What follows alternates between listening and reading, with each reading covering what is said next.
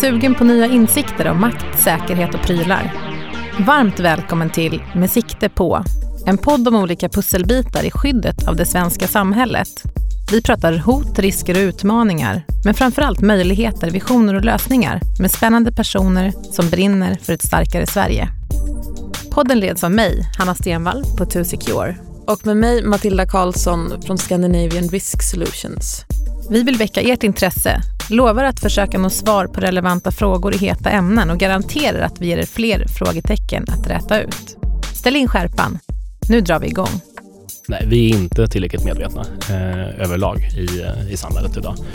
Jag skulle väl säga att det är ju en, en del av någon, någon större trend som inte är så mycket att göra åt om hur, hur samhället och näringslivet fungerar. Att vi, vi använder eh, molntjänster, vi använder eh, underleverantörer, just in time och så vidare, både på informationssäkerhetsområdet och på andra områden. Och i eh, den här förändringen så måste man hitta sätten att få säkerheten att fungera också.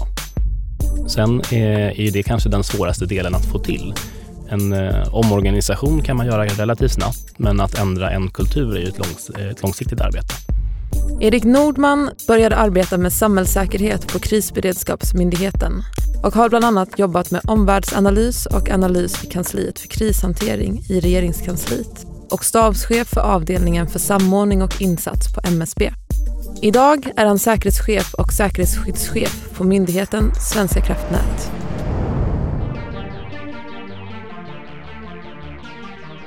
Välkommen Erik. Tack så mycket. Du är idag säkerhetsskyddschef på Svenska kraftnät. Men vad är egentligen säkerhetsskydd? Säkerhetsskydd kan man säga, det är det skyddet som eh, vi behöver ha och ska ha enligt lag för, eh, för de saker som är allra, allra viktigast för säkerheten på nationell nivå. kan man säga. Så man pratar om begreppet Sveriges säkerhet. Eh, och då handlar det om information och anläggningar och system som behöver ha ett särskilt skydd för att de är viktiga för landet Sverige som stort. Vad är det de ska skyddas mot? Det handlar om skydd mot antagonistiska hot. Sen ska de ju skyddas mot andra risker också naturligtvis, men just säkerhetsskyddet handlar om antagonistiska hot. Allt från eh, främmande makter till terrorister eller, eller eh, andra antagonister. Vad gör du på jobbet? Ja, eh, ibland känns det som att jag bara går på möten. Det är väldigt, väldigt mycket möten. Eh, kanske lite för många. Men eh, annars kan man väl säga att jag eh, försöker utveckla säkerhetsarbetet på Svenska kraftnät och i elförsörjningen i stort med hjälp av eh, en enhet med väldigt kompetenta medarbetare. Så det är mycket externa möten också? Det är en del externa möten. Eh, Svenska kraftnät har ju rollen som tillsynsmyndighet för säkerhetsskydd för hela elbranschen och det innebär att vi, vi har mycket kontakter med elproducenter, med regionnätsföretag och så vidare. Om vi backar bandet lite grann. Vad ville du bli när du var liten? Oh, jag, mm, jag hade två, två framtidsdrömmar som lite grann eh, växlade om eh, periodvis. Eh, och den, den starkaste var att jag ville bli bagare. Eh, och det handlar om att jag tycker så oerhört mycket om sötsaker. Mm. Så tanken att kunna liksom stå där och äta bulldeg hela dagarna, det var en fantastisk dröm tyckte jag. Eh, och sen så hade jag också tankar på att bli eh, advokat tyckte att det eh, verkade kul. Jag hade inte jättebra koll på vad det skulle innebära, men det verkade, det verkade spännande och, eh, och eh, respekterat och sådär. Kan du berätta lite mer om, om din bakgrund? Vad, eller så här, hade du någon plan när du började plugga och vad har du pluggat? Jag skulle säga att det var väldigt, väldigt oplanerat. Ehm, och man kan väl säga att jag drivs inte av någon, någon långsiktig plan. Det har jag aldrig egentligen gjort. Utan min drivkraft är att jag tycker om att lära mig nya saker. Jag tycker om att förstå nya saker. Jag tycker om att få nya perspektiv.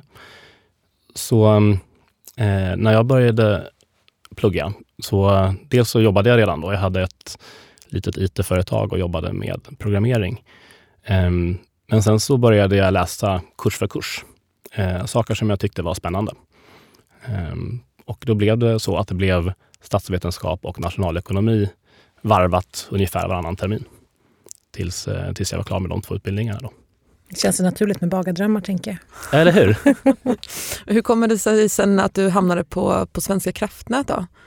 Ja, det är en bra fråga. Um, En del av svaret är väl att jag har jobbat med samhällssäkerhet ganska länge nu. Jag började på Krisberedskapsmyndigheten 2007 eh, och arbetade med eh, risk och sårbarhetsanalyser där.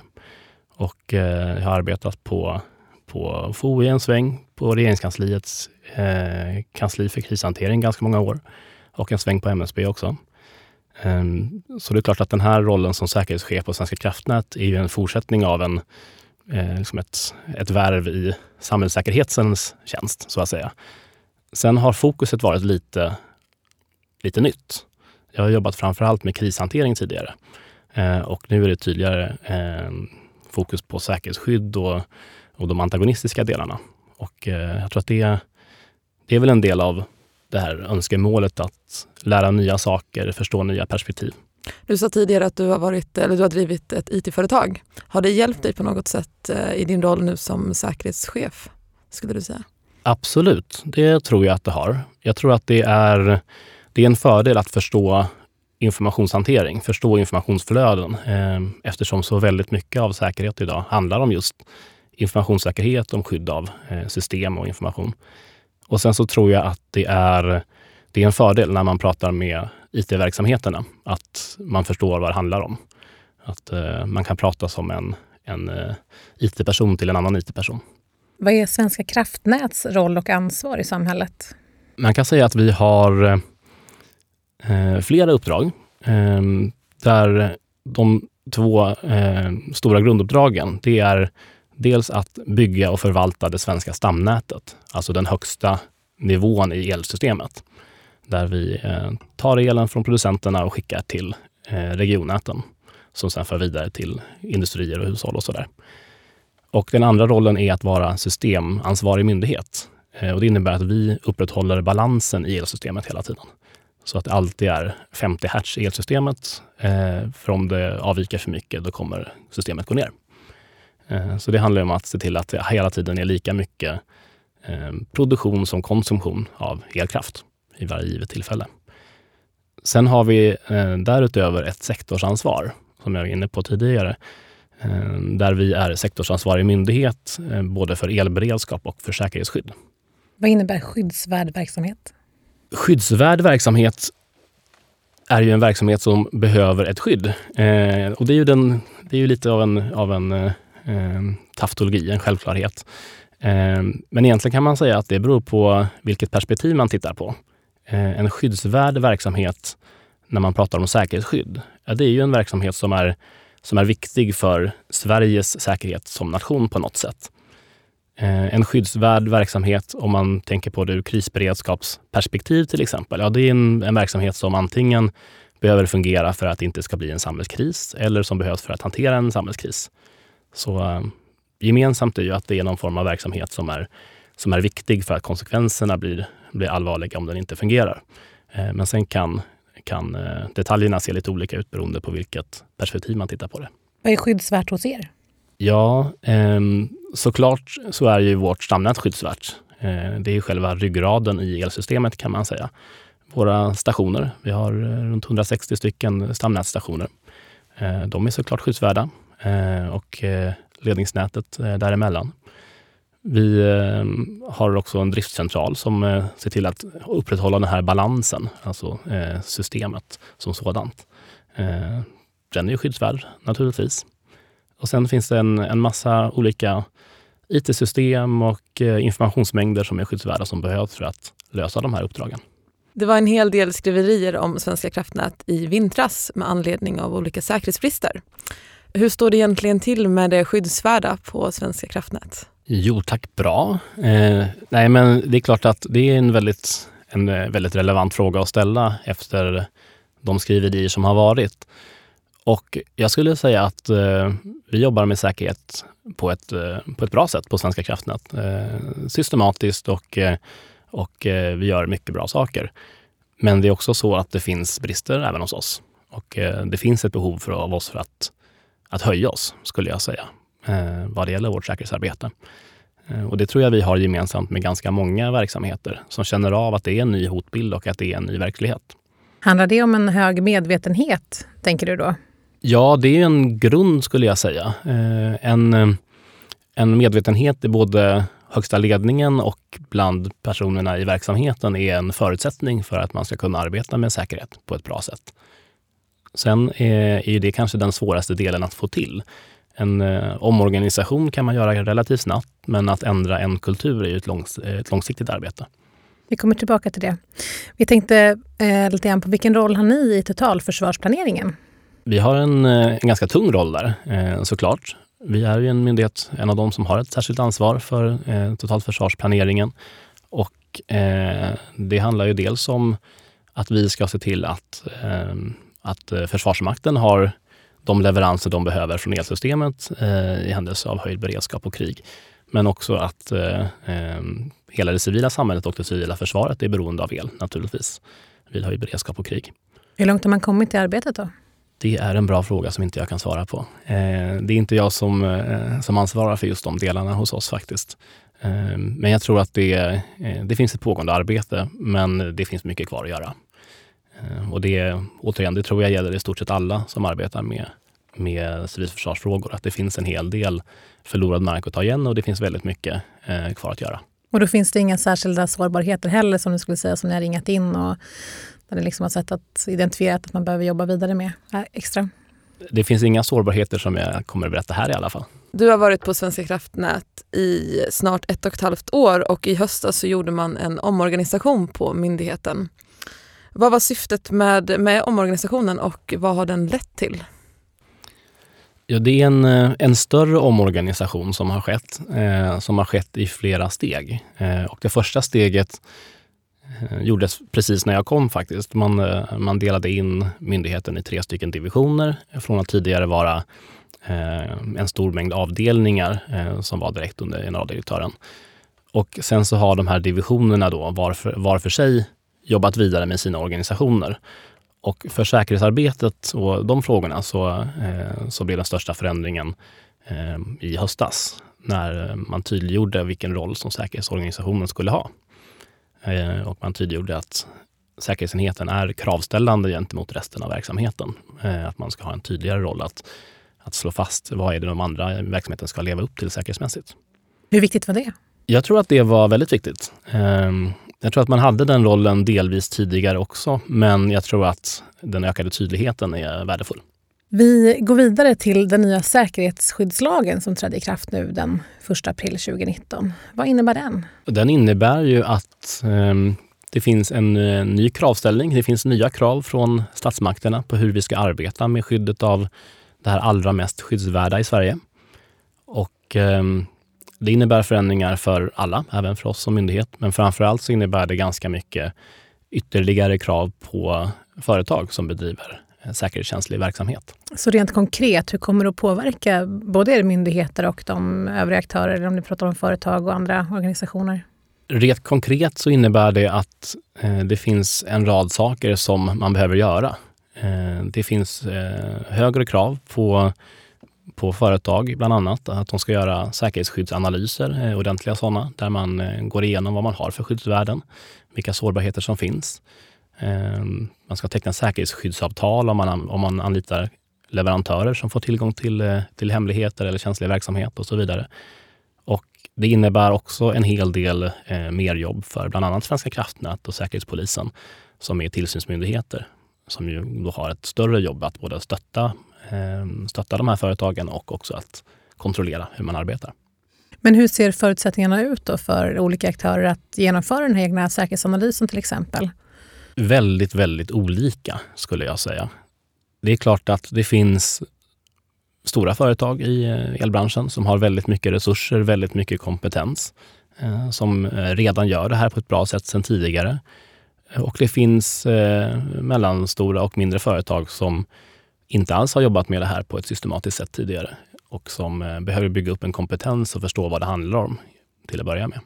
Och så vaknar man kanske lite sent ibland också. Så är det absolut. Jag skulle säga att eh, den här nya lagen gäller ju från 1 april eh, och vi är inte där att, eh, att samhället som helhet lever upp till den här lagen. Men du sa att det också kommer att påverka, eller att det kommer att innebära mer arbete för tillsynsmyndigheter som exempelvis eh, Säkerhetspolisen och så vidare. Kan det också innebära att, för någonstans är syftet också att förenkla för dem att göra tillsyn? Eller hur ser du på det? Jag vet inte om det förenklar på något sätt. Eh, det, eh, det är ett tydligare regelverk på många sätt och det är ju bra. Då, då finns det någonting tydligare att mäta mot och eh, kontrollera mot.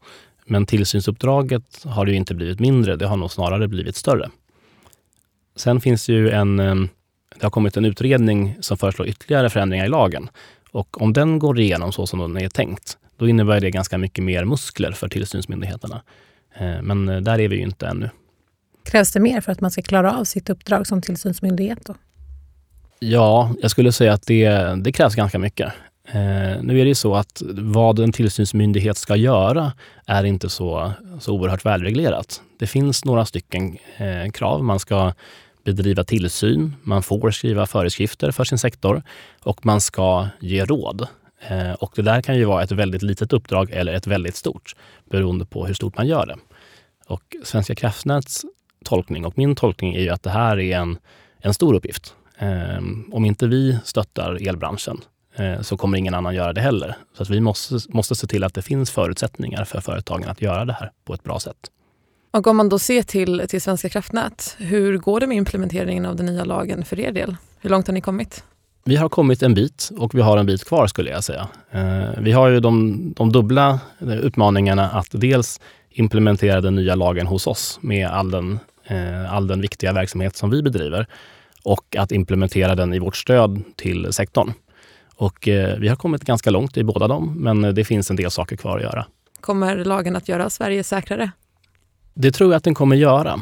Eh, men inte, inte ensam, inte av sig själv. Jag tror att eh, vi har ju haft en säkerhetsskyddslag eh, länge, den gamla lagen. Och kollar man runt i eh, eh liksom hur det ser ut så har inte alla klarat av att leva upp till den lagen heller. Och nu har vi en ny lag som är strängare och som är tydligare. Och det är bra. Men eh, ehm, vi måste ha resurser och förutsättningar för att det ska göra en rejäl skillnad. Lagen i sig själv kommer inte göra skillnaden. Skönt att dina advokatdrömmar får liksom ändå ganska mycket så lag, lagutrymme, tänker jag. Ja, absolut. Jag har fått, eh, fått eh, djupdyka i paragrafer eh, under det här ett och ett halvt året på Svenska kraftnät. Och det, det har varit roligt. Jag ser att det bara lyser i ögonen. Vad skönt med den inställningen. Eh, vi pratade lite grann om att, du nämnde tidigare att olika aktörer har väldigt olika förutsättningar att göra den här analysen. Jag tänker på för olika typer av aktörer då på marknaden med olika förutsättningar. Hur ska man veta om ens produkt till exempel bör användas på ett sätt som innebär att den omfattas av säkerhetsskyddslagen? Ja, eh, det beror på hur du menar. Om du har en produkt som du säljer, eh, som någon sen börjar använda i en säkerhetskänslig verksamhet, då är det ju den som bedriver den säkerhetskänsliga verksamheten som har det ansvaret. Det är inte du som säljer produkten. Eh, så då måste ju den som använder din produkt i sin säkerhetskänsliga verksamhet göra det som krävs för att eh, försäkra sig om att det inte äventyrar skyddsvärdena på något sätt.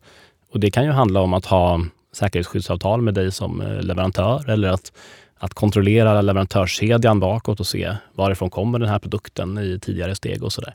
Och det ställs det nya krav längre bak helt enkelt tillbaka i kedjan också? Ja, eh, det skulle jag säga. Det här är ju inte, eh, det här är inte så tydligt eh, i lagstiftningen hur man ska jobba med sina leverantörskedjor. Eh, det finns ju krav på säkerhetsskyddsavtal med med eh, konsulter man använder till exempel som tar del av eh, säkerhetskänslig verksamhet. Men det finns inga sådana tydliga krav för produkter som köps in i flera led bort. Men det tar ju inte bort ansvaret. Har jag en känslig verksamhet så måste jag fundera över varifrån kommer mina produkter? Var kommer mina, mina IT-prylar eller vad det nu kan vara? Då är det dags att köra en liten associationslek. Vi kommer att ge dig tio ord som du ska associera snabbt och fritt till. Och sen om du vill utveckla någonting så får du göra det efteråt. Är det klart? Vad spännande. Ja, jag, är, jag har förstått och jag är redo. Härligt. Då kör vi. Hot. Risk. Mångfald. Blö. um, färg. Ledning. Styrning. Transparens. Bra. Fakta. Analys. Privat. Um, integritet. Moln. Farligt. Hemma. Mysigt.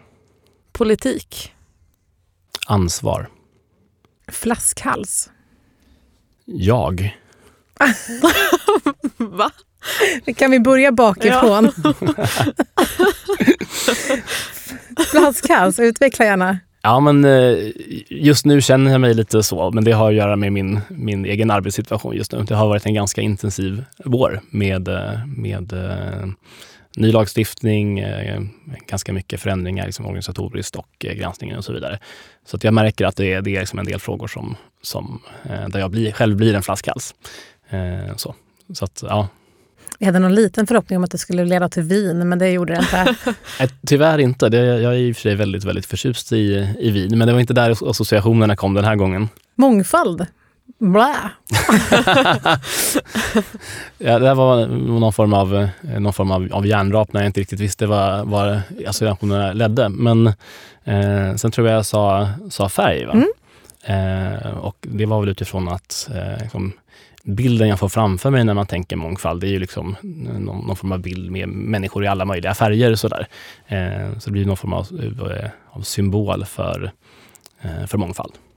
Vi pratar ofta ganska mycket om att det är lite få kvinnor i den här branschen också. Och så, vidare. så att mångfalden är ett ganska vitt begrepp. Absolut, jo, men så, så är det ju. Eh, det, är, eh, det handlar inte alls bara om, om hudfärg, det handlar ju minst lika mycket om om, eh, om kön och ålder, eh, sexuell läggning, funktionsnedsättningar och så vidare. Vad är Sverige som mest sårbara när det kommer till eh, elförsörjningen? Är det stamnätet som ni ansvarar för eller är det de här mindre leverantörerna som är, som är mest säkerhetskänsliga? Helt enkelt?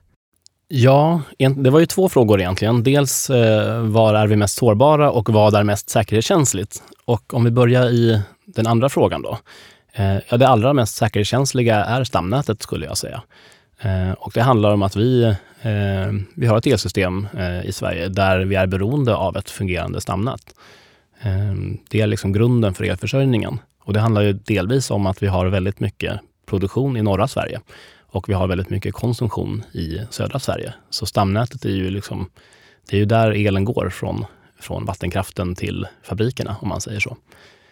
Så eh, jag skulle säga att det finns mycket i elförsörjningen som är skyddsvärt, men allra, allra mest skyddsvärt är stamnätet.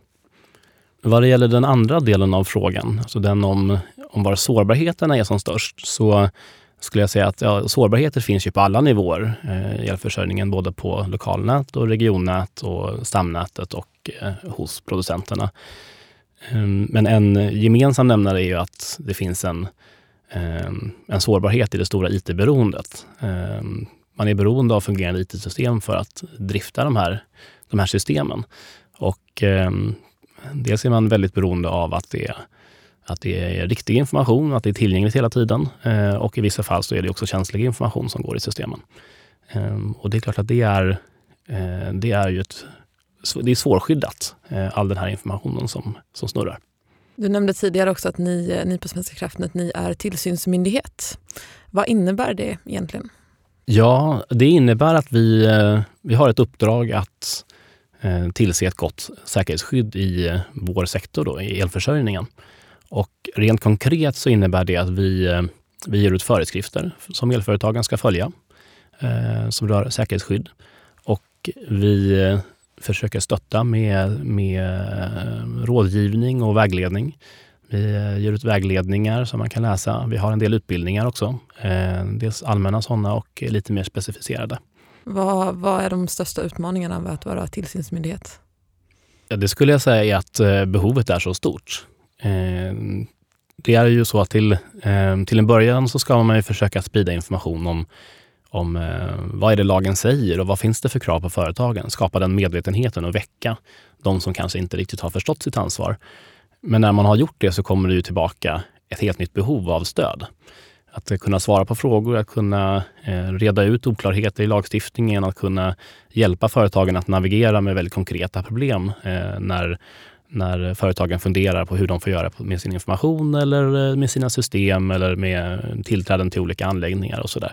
Och då ska vi kunna vara ett bollplank och det, det tar mycket energi. Vi var inne på det här med, säkerhets, eller med tidsaspekten man bygger upp en säkerhetskultur. Hur viktig är en säkerhetskultur som är bra?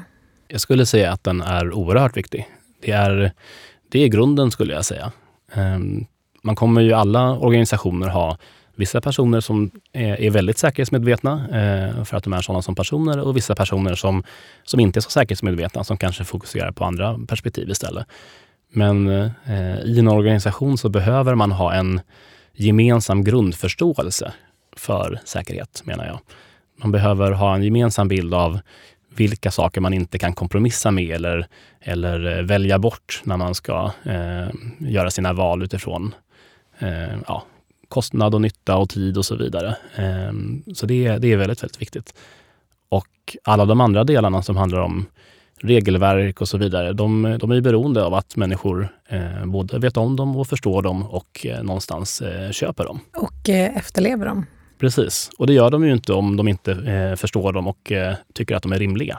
Då blir man liksom inte starkare än sin svagaste länk på något sätt. Precis så. Ehm, jag tycker att det, det pratas ganska mycket om att man måste få få eh, ledningens eh, eh, liksom stöd och acceptans för säkerhetsarbetet. Och det, det, håller jag med om och det är oerhört viktigt. Men jag skulle också säga att minst lika viktigt är att jobba eh, horisontellt. Att, eh, att eh, jobba utåt i organisationen med att förklara och medvetandehöja. Så att, eh, så att fler själva bottnar i varför säkerhet är viktigt. Inte bara för att man får den signalen från högsta ledningen som är viktig, men också för att man själv förstår att det här som jag arbetar med, det här är det här är känsligt eller det här är, eh, behöver skyddas särskilt. Hur har ni jobbat med det på Svenska kraftnät? Då? Ja, det gör vi på, på lite olika sätt. Eh, det här året har vi en ganska stor satsning där vi utbildar eh, all vår personal i, eh, i säkerhet. Vi har en eh, säkerhetsutbildning som är obligatorisk för alla på Svenska kraftnät under 2019. Och du pratar om just att få upp det här på ledningsnivå. Eh, vikten av det. Du menar att det är en sak som är viktig men att man också får ut det i, hos alla. Hur, eh, hur har det avgjort, hur avgörande har det varit för din del? Ehm, med, med ledningen eh, Det är väldigt viktigt och just när det gäller säkerhetsskydd så, eh, så är det också ett lagkrav att säkerhetsskyddschefen på en myndighet ska vara eh, underställd direkt generaldirektören och ha en direkt rapporteringsväg dit. Ehm, och det är för att man, man ser just det här att man, man måste ha med det här perspektivet i den högsta ledningen och inte riskera att den att det trillar bort i avvägningar längre ner i organisationen. För det tänker jag också att man måste bygga upp en förståelse i, i ledningen för de här frågorna.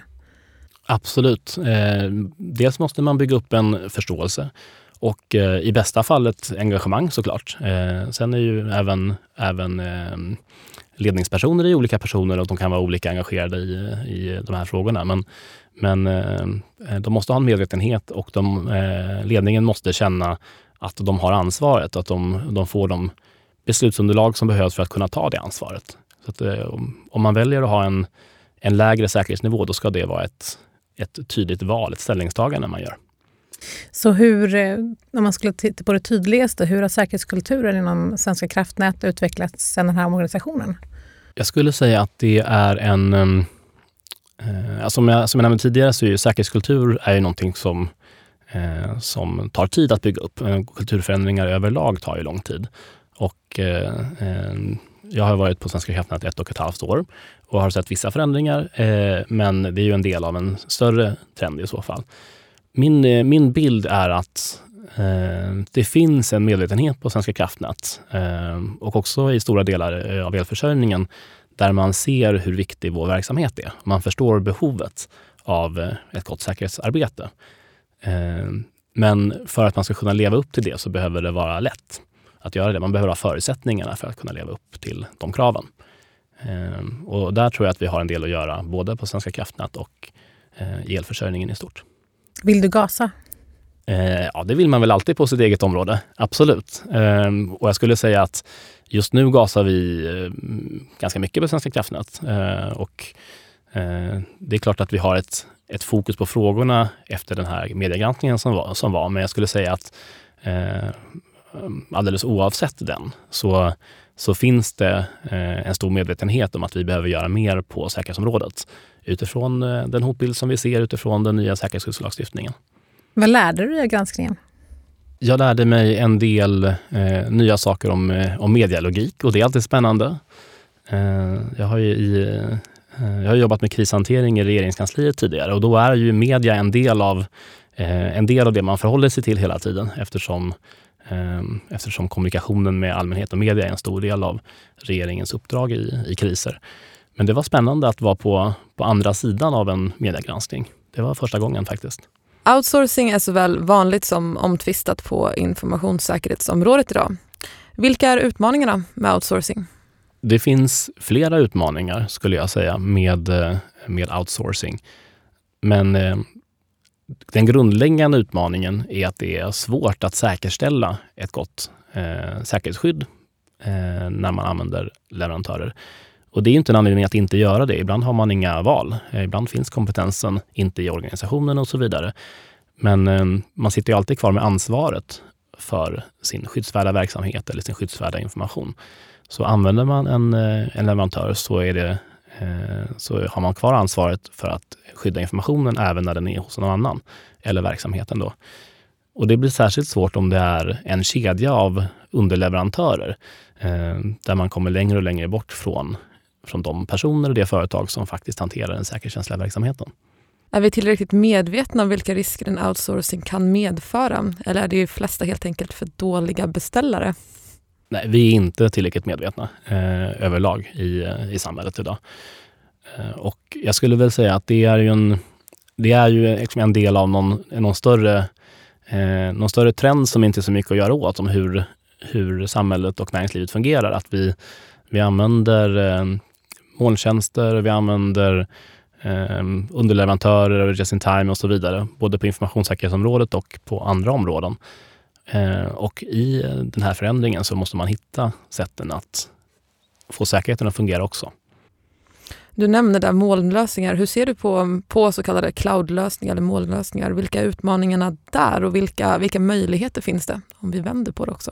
Det finns, eh, det finns såklart massor med möjligheter med molntjänster, framför allt kopplat till Eh, effektivitet naturligtvis och verksamhetsnytta. Så det får man ju ha med sig att det, det finns en anledning till att man vill använda de här tjänsterna. Och eh, i vissa fall kan det också finnas säkerhetsmässiga eh, fördelar om det är en leverantör som har väldigt eh, bra säkerhetstänk och bra åtgärder. Sen när det gäller de här informationsmängderna som är allra känsligast, eh, de som är av vikt för, eh, för Sveriges säkerhet, så är de väldigt, väldigt svåra att använda molntjänster för. Ehm, Dels för att man inte har kontroll över informationen själv och dels för att det finns ett antal lagkrav som, som eh, gör det väldigt svårt att använda molntjänster. Vilken är din bild av finansiering och prioritering av informationssäkerhet inom offentlig verksamhet i Sverige?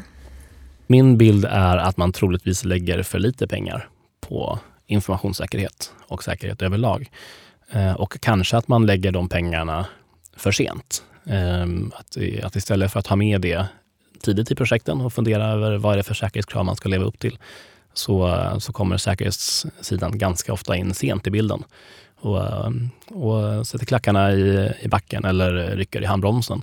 Och då blir det ofta betydligt dyrare. Varför blir det så då, tror du? jag tror att det handlar också om den här, eh, den här medvetenheten vi pratade om tidigare. Eh, om man inte är, är medveten om vad det är för typ av verksamhet man har och att den har ett särskilt skyddsbehov så kommer det kanske inte heller naturligt för alla att, eh, att ta in säkerhetsfrågorna tidigt. Då är vi tillbaka till den här beställarkompetensen. För att det är samma sak där. Då. Hur, om man tittar på upphandlarkompetensen, hur, vilken är din bild av den? Jag tror att det finns en hel del att göra även där. Ehm, jag har väl inte en jättetydlig bild av hur det ser ut med beställarkompetensen överlag i samhället eller ens i, i elförsörjningen. Ehm, men eh, det är klart att jag, jag, tror nog att eh, ganska ofta så, så har man en högre kompetens när det gäller eh, tekniska funktionskrav än vad man har på säkerhetskraven. Slutligen, om du fick önska en sak som politiken löste ut, vad skulle det vara? Det var en bra fråga. När man, nu när man får önska fritt, då borde man ju ha en, ett tydligt svar på en sån fråga egentligen. Nej, men det, det blir ganska, kanske ett ganska vagt önskemål. Jag, jag önskar att eh, politiken klarar av att hålla i säkerhetsfrågorna och klarar av att hålla fokuset eh, och se att det här är viktiga frågor. Just nu så finns det ett sådant fokus skulle jag säga. Det eh, visas ju också av den nya lagstiftningen och om den här utredningen om ytterligare skärpta eh, skrivningar i säkerhetsskyddslagen. Men eh, det är inte alltid som, eh, som politiken är så bra att hålla i frågor över längre tid. Så det är väl min önsk, mitt önskemål, att man klarar av att eh, tänka strategiskt och hålla, i, hålla kvar det här fokuset. Fokus alltså. Tusen tack för att du kom hit idag, Erik. Tack så mycket. Tack så mycket.